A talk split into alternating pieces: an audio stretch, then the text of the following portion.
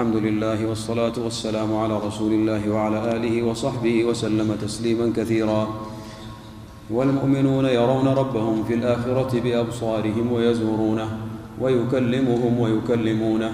قال الله تعالى وجوه يومئذ ناظرة.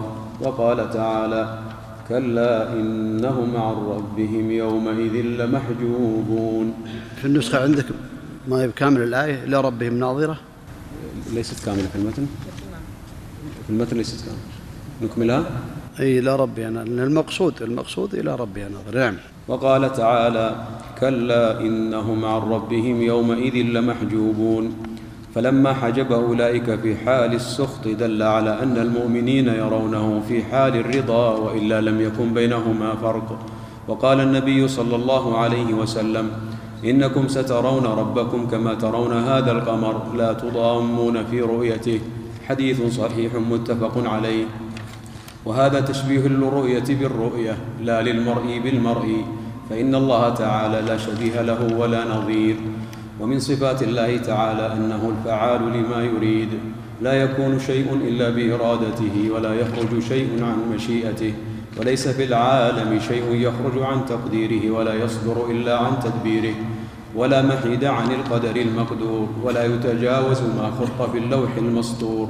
أراد ما العالم فاعلوا ولو عصمهم لما خالفوا ولو شاء ولو شاء أن يطيعوه جميعا لاطاعوه خلق الخلق وأفعالهم وقدر أرزاقهم وآجالهم وقدر أرزاقهم وآجالهم. يهدي من يشاء برحمته ويضل من يشاء بحكمته. قال الله تعالى لا يسأل عما يفعل وهم يسألون.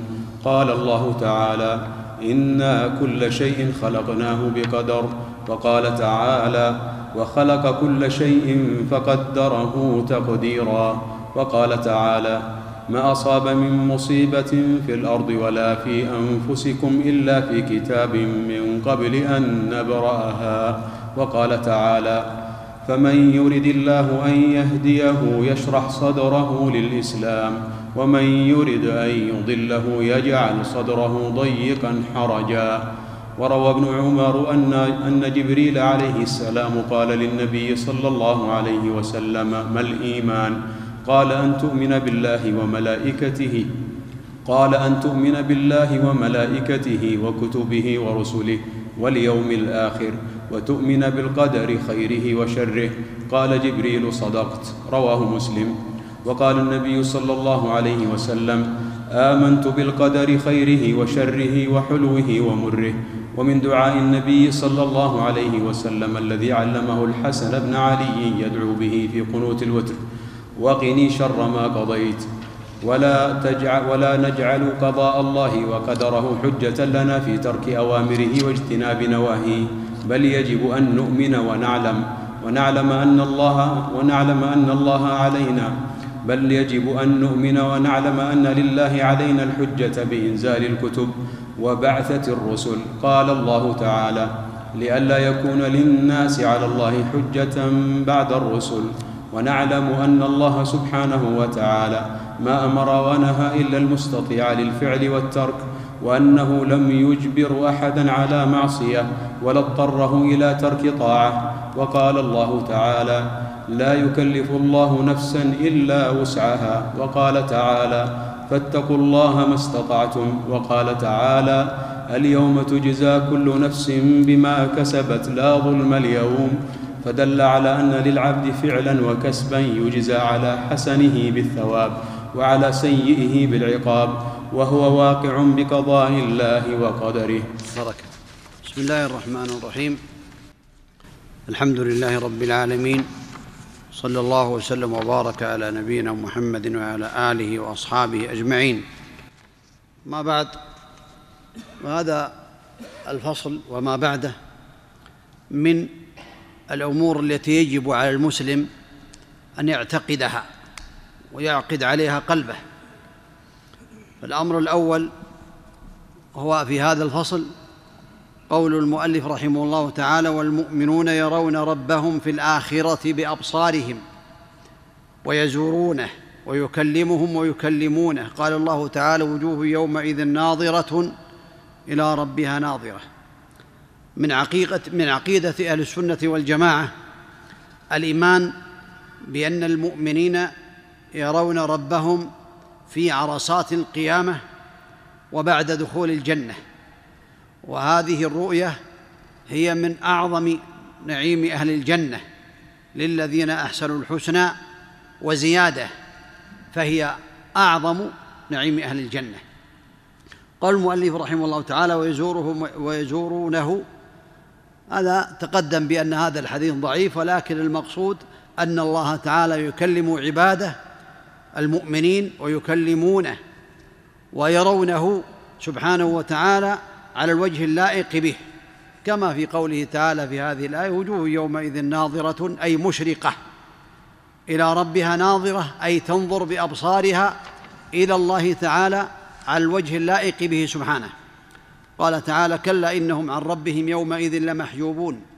فلما حجب أولئك في حال السخط دل على أن المؤمنين يرونه في حال الرضا وإلا لم يكن بينهما فرق.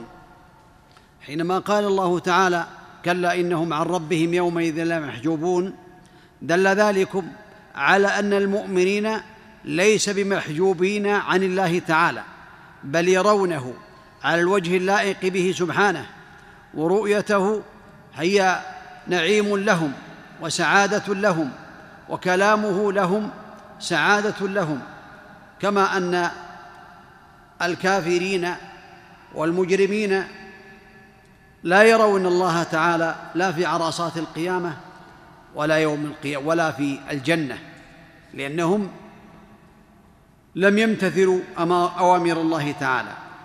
أما كلام الله تعالى للكافرين هل يسمعونه أو لا يسمعونه؟ فالصواب أنهم يسمعون كلامه لكنهم يسمعون ما يغضبهم ويسمعون ما يعذبهم ويسمعون ما يزعجهم. أما المؤمنون فهم يتنعمون بكلام الله تعالى ويتنعمون بالنظر إلى الله تعالى في عرصات القيامة. وبعد دخول الجنة وأما الكافرون فهم لا يرون الله لا في عرصات القيامة ولا بعد ذلك وإنما يسمعون ما يسخطهم وما يعذبهم. نسأل الله العفو والعافية. وقال النبي عليه الصلاة والسلام إنكم ترون ربكم كما ترون هذا القمر. لا تضامون لا تضامون في رؤيته. هذا يدل على أنهم يرون الله تعالى كما يرون القمر.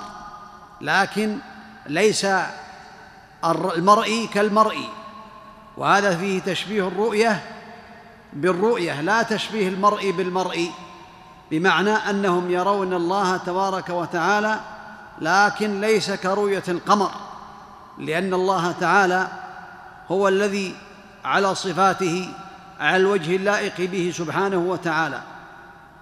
وقوله لا تضامون أي لا يلحقكم الضيم والتعب بالنظر إلى الله تعالى.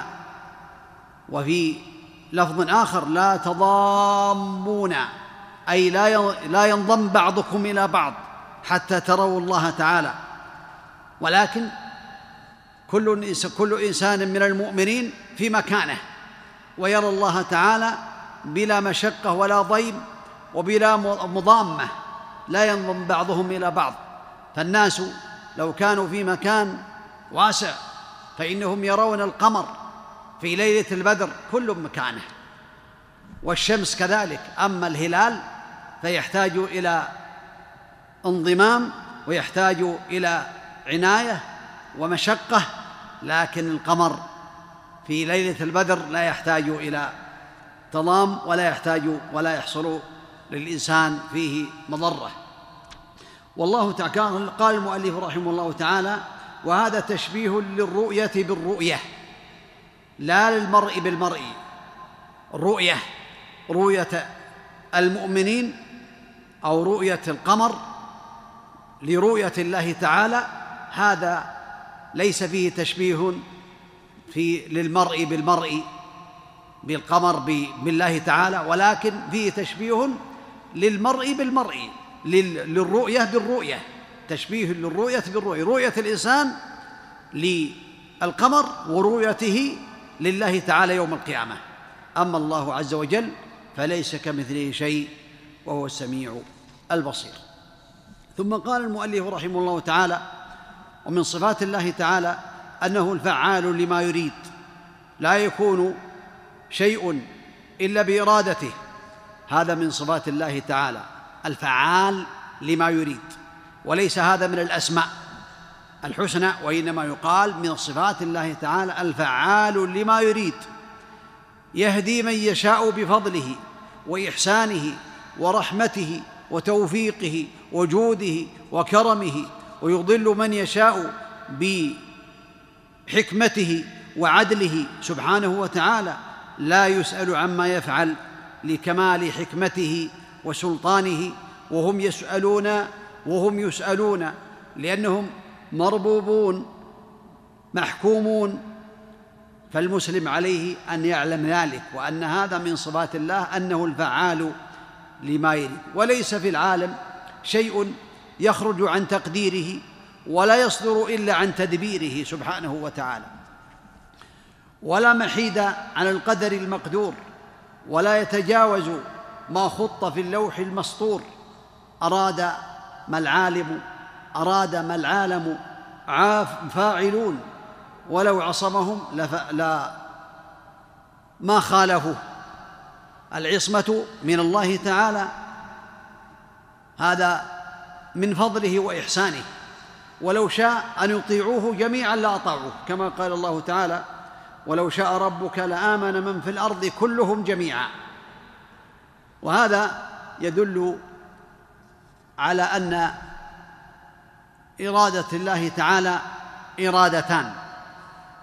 إرادة كونية وإرادة قدرية. فإن الإرادة الكونية لا يتخلف عنها شيء وهي المرادفة للمشيئة للمشيئة. لأن الله تبارك وتعالى أمرنا وأوجب علينا الإيمان بالقدر.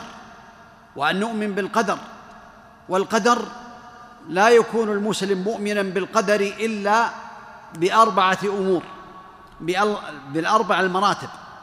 المرتبة الأولى أن يؤمن بالعلم السابق الأزلي أن الله تعالى علم ما كان وما يكون وما لم يكن لو كان كيف كان فهو بكل شيء عليم. لتعلموا أن الله على كل شيء قدير وأن الله قد أحاط بكل شيء علما. فلا يخرج عن هذا العلم شيء. يعلم أهل الجنة بأسمائهم وأسماء آبائهم ويعلم أهل النار بأسمائهم وأسماء آبائهم ويعلم ما العباد فاعلوه وكل شيء عنده سبحانه وتعالى لا يخفى عليه خافية. لا يزاد في أهل النار ولا ينقص من أهل الجنة. وهذا من علم الله عز وجل السابق الأزلي. الأمر الثاني وهي المرتبة الثانية كتابة الله تعالى لما علم في المقادير من المقادير في اللوح المحفوظ فهو قد كتب كل شيء سبحانه وتعالى. كما ثبت في الحديث أن النبي عليه الصلاة والسلام قال إن الله كتب مقادير كل شيء قبل أن يخلق السماوات والأرض بخمسين ألف سنة.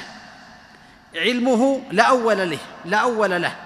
هو الأول الذي ليس قبله شيء وعلمه من صفاته سبحانه وتعالى. أما الكتابه لها أول. كتب الكتابة لكل المقادير قبل أن يخلق السماوات والأرض بخمسين ألف سنة وكان عرشه على الماء. سبحانه وتعالى. الأمر الثاني وهي المشيئة المرتبة الثانية الثالثة المشيئة النافذة. وما تشاءون إلا أن يشاء الله رب العالمين. فما شاء الله كان وما لم يشاء لم يكن. والمرتبة الرابعة الأمر الرابع أن الله تعالى خلق كل شيء سبحانه وتعالى. فهو الخالق للعباد والخالق لكل شيء سبحانه وتعالى. وخالق أفعال العباد لا يخرج عن تقديره شيء سبحانه وتعالى ولا عن مشيئته. والإرادة إرادتان. إرادة كونية. يقال لها الإرادة العامة. وإرادة شرعية. فالإرادة العامة بمعنى المشيئة وتسمى الإرادة العامة أو الإرادة الكونية. وهذا النوع من الإرادة لا يستلزم المحبة بل يشمل ما يحبه الله وما يسخطه. فالله تعالى أراد كفر الكافر ومعصية العاصي كونا وقدرا ولم يردها دينا ولا شرعا. هذه إرادة كونية أرادها كونا وقدرا. لكنه لا يرضى كفر الكافر ولا يرضى معصية العاصي لأن الله أعطاه القدرة وأعطاه المشيئة. ولكنه لا يخرج عن قدرة الله تعالى ولا عن مشيئته. ومن أدلة ذلك قوله تعالى فعال لما يريد وقوله فمن يريد الله أن يهديه يشرح صدره للإسلام ومن يريد أن يضله يجعل صدره ضيقا حرجا. هذه الإرادة الكونية الإرادة الكونية القدرية. وهو سبحانه وتعالى في إرادته الكونية مبنية على علمه وعلى حكمته وعلى تقديره وعلى عدله سبحانه وتعالى. إن الله يريد إن كان الله يريد أن يغويكم كما قال نوح عليه الصلاة والسلام إلى غير ذلك من الآيات. أما الإرادة الشرعية وتأتي الإرادة متضمنة للمحبة مختصة بها.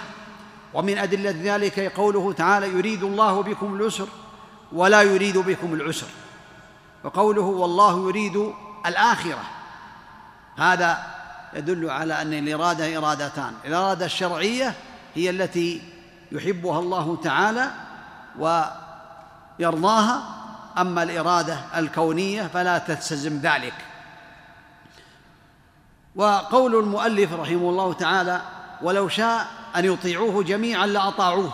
كما قال الله تعالى ولو شاء ربك لآمن من في الأرض كلهم جميعا. وقوله تعالى ولو شئنا ولو شاء لأتينا ولو شئنا لأتينا كل نفس هداها. لو يشاء الله لهدى الناس جميعا. خلق الخلق وأفعالهم وقدر أرزاقهم واجالهم هو الخالق لكل شيء وخالق أفعال العباد. المؤلف ذكر وأفعالهم لأن هناك من الطوائف المبتدعة من يقول بأن الإنسان هو الذي خلق فعله. الله تعالى خلق الإنسان وأمره بطاعة الله ونهاه عن معصية الله فإذا عصى الله فهو بهذا خلق فعله والله لم يخلق فعله وهذا قول باطل. فالله خالق العباد وخالق أفعال العباد وهذا هو المرتبة الرابعة لأن الله خالق كل شيء هو الذي خلق كل شيء خلق العباد وخلق أفعالهم. لكنه سبحانه وتعالى جعل لهم إرادة وجعل لهم مشية مشيئة يستطيعون أن يفعلوا الخير ويستطيعوا أن يفعلوا الشر. بين لهم طريق الخير وطريق الشر وأعطاهم إرادة ومشيئة فهم لم يخلقوا أفعالهم ولكنهم اختاروها. والله تعالى هو خالقهم وخالق أفعالهم سبحانه وتعالى.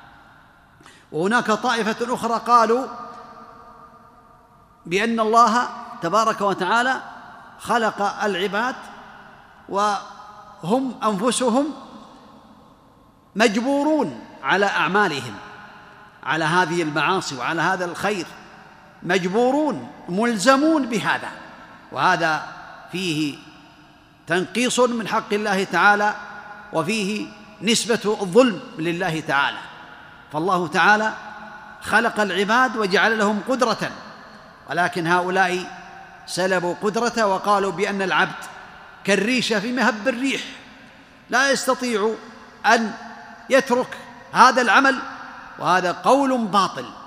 أما قول أهل السنة والجماعة فيقولون بأن الله تعالى خلق العباد وخلق أفعال العباد وجعل لهم قدرة وجعل لهم مشيئة وبين لهم طريق الخير.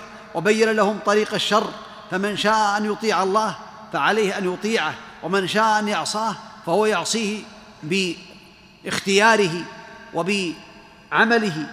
والله تعالى هو الذي خلق كل شيء يهدي من يشاء برحمته ويضل من يشاء بحكمته لا يسأل عما يفعل هم يسألون. قال تعالى إنا كل شيء خلقناه بقدر. هذا القدر هو سر الله تعالى. والمسلم عليه أن يعلم بأنه إذا آمن بهذه الأربعة الأمور أو الأربع المراتب فقد آمن بالقدر خيره وشره. الإيمان بعلم الله السابق الأزلي الأمر الثاني الإيمان بكتابة الله تعالى لكل شيء الأمر الثالث الإيمان بمشيئة الله تعالى النافذة الأمر الرابع أن الله خالق كل شيء سبحانه وتعالى. وقال تعالى وخلق كل شيء فقدره تقديرا وقال تعالى ما أصاب من مصيبة في الأرض ولا في أنفسكم إلا في كتاب من قبل أن نبرأها أي من قبل أن نوجدها من قبل أن يخلقها. فالله تعالى هو الخالق لكل شيء والخالق للمصائب وهو كتبها سبحانه وتعالى من قبل أن توجد توجد. فمن يرد الله أن يهديه يشرح صدره الإسلام. ومن يريد أن يضله يجعل صدره ضيقا حرجا هذه الإرادة الكونية. أفمن شرح الله صدره للإسلام فهو على نور من ربه فويل للقاسية قلوبهم من ذكر الله. وفي الحديث الذي رواه مسلم حديث جبريل أن النبي عليه الصلاة والسلام قال لجبريل حينما سأله ما الإيمان؟ قال أن تؤمن بالله وملائكته وكتبه ورسله واليوم الآخر والقدر خيره وشره فقال جبريل صدقت متفق على صحته. هذا في الحقيقة يدل على أن الإيمان بالقضاء والقدر هو أعظم مراتب وأعظم أركان الإيمان بالله تعالى. ومن دعاء النبي عليه الصلاة والسلام الذي علمه الحسن بن علي يدعو به في قنوت الوتر وقني شر ما قضيت. الله تعالى هو الذي يقضي والقضاء ذكر العلماء رحمهم الله تعالى. منهم من قال إن القضاء مثل القدر. القدر هو القضاء والقضاء هو القدر. ومنهم من قال بأن القدر هو ما يكون سابقا على القضاء والقضاء هو ما يحصل هو ما يحصل في وقته.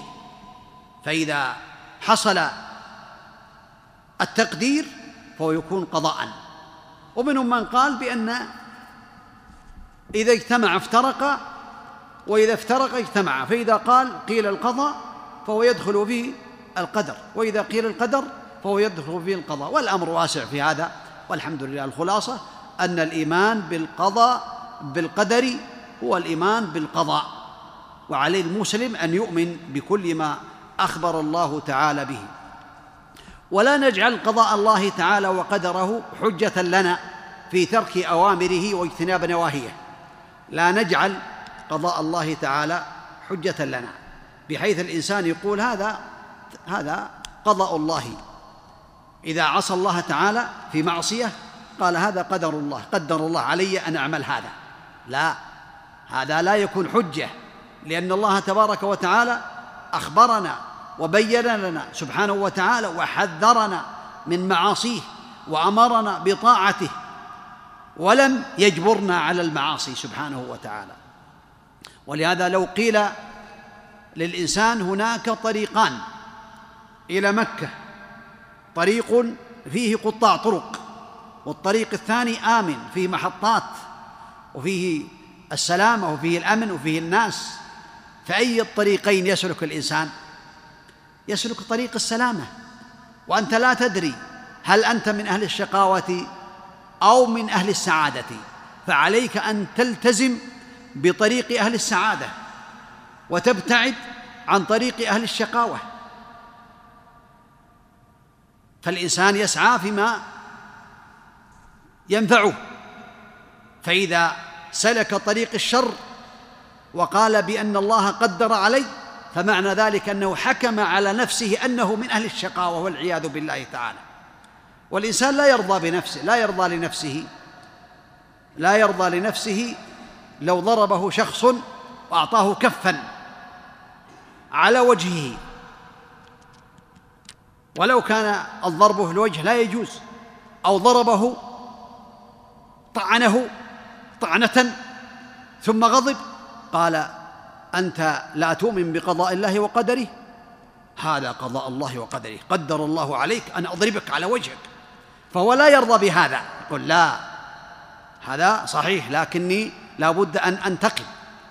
وكلما يخطئ على الناس ويتصرف بتصرفات لا ترضي الله تعالى يقول هذا قدر الله لا يرضى. لكنه يرضى أن يسلك المعاصي ويعمل المعاصي يقول هذا تقدير الله. إذن هذا هذه حجج باطلة حجج القدرية والعياذ بالله تعالى. بل يجب أن يؤمن أو نؤمن ونعلم أن الحجه أن أن لله الحجة علينا بإنزال الكتب وببعثة الرسل عليهم الصلاة والسلام لئلا يكون للناس على الله حجة بعد الرسل.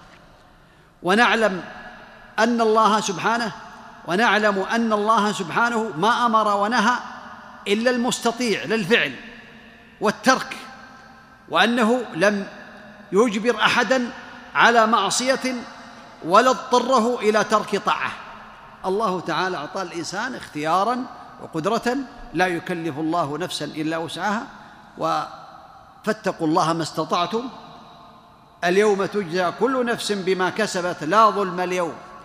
معنى ذلك أنه إذا أعطاه القدرة وأعطاه آه، المشيئة التي لا تخرج عن مشيئة الله تعالى فهو في الحقيقة إن عمل صالحا يجزى به وإن عمل سيئات يجزى بها ولا يظلم. فدل على أن للعبد فعلا ويحصل على الثواب بفعل هذا الفعل وهو واقع بقضاء الله وقدره. أسأل الله عز وجل بأسماء الحسنى والصفات العلى أن يجعلني وإياكم من الذين يستمعون القول فيتبعون أحسنه. إنه لذلك هو القادر عليه. وصلى الله وسلم وبارك على نبينا محمد وعلى آله وأصحابه أجمعين.